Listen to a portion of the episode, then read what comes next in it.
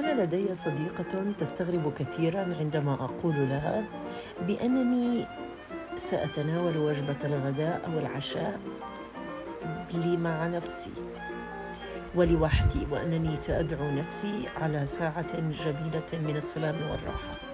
كانت تستغرب عندما أتجه إلى السينما لوحدي.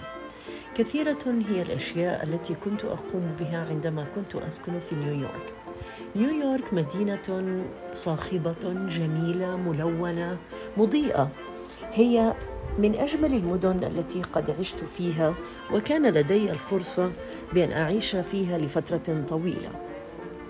ولكن هي من أكثر المدن الوحيدة جدا. أيضا لأن الأشخاص لا يعرفون ماذا سيفعلون. أغلب الأشخاص مشغولين دائما ولكنها تجعلك من أكثر الأشخاص الوحيدين.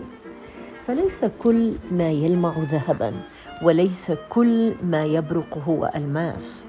لذلك يجب أن تكون أنت تلك الجوهره التي تلمع وتشع في كل مكان تذهب إليه سواء كان صاخبا أو كان قاتما مملا هادئا حزينا فأنت مركز الحياة. صباح الخير.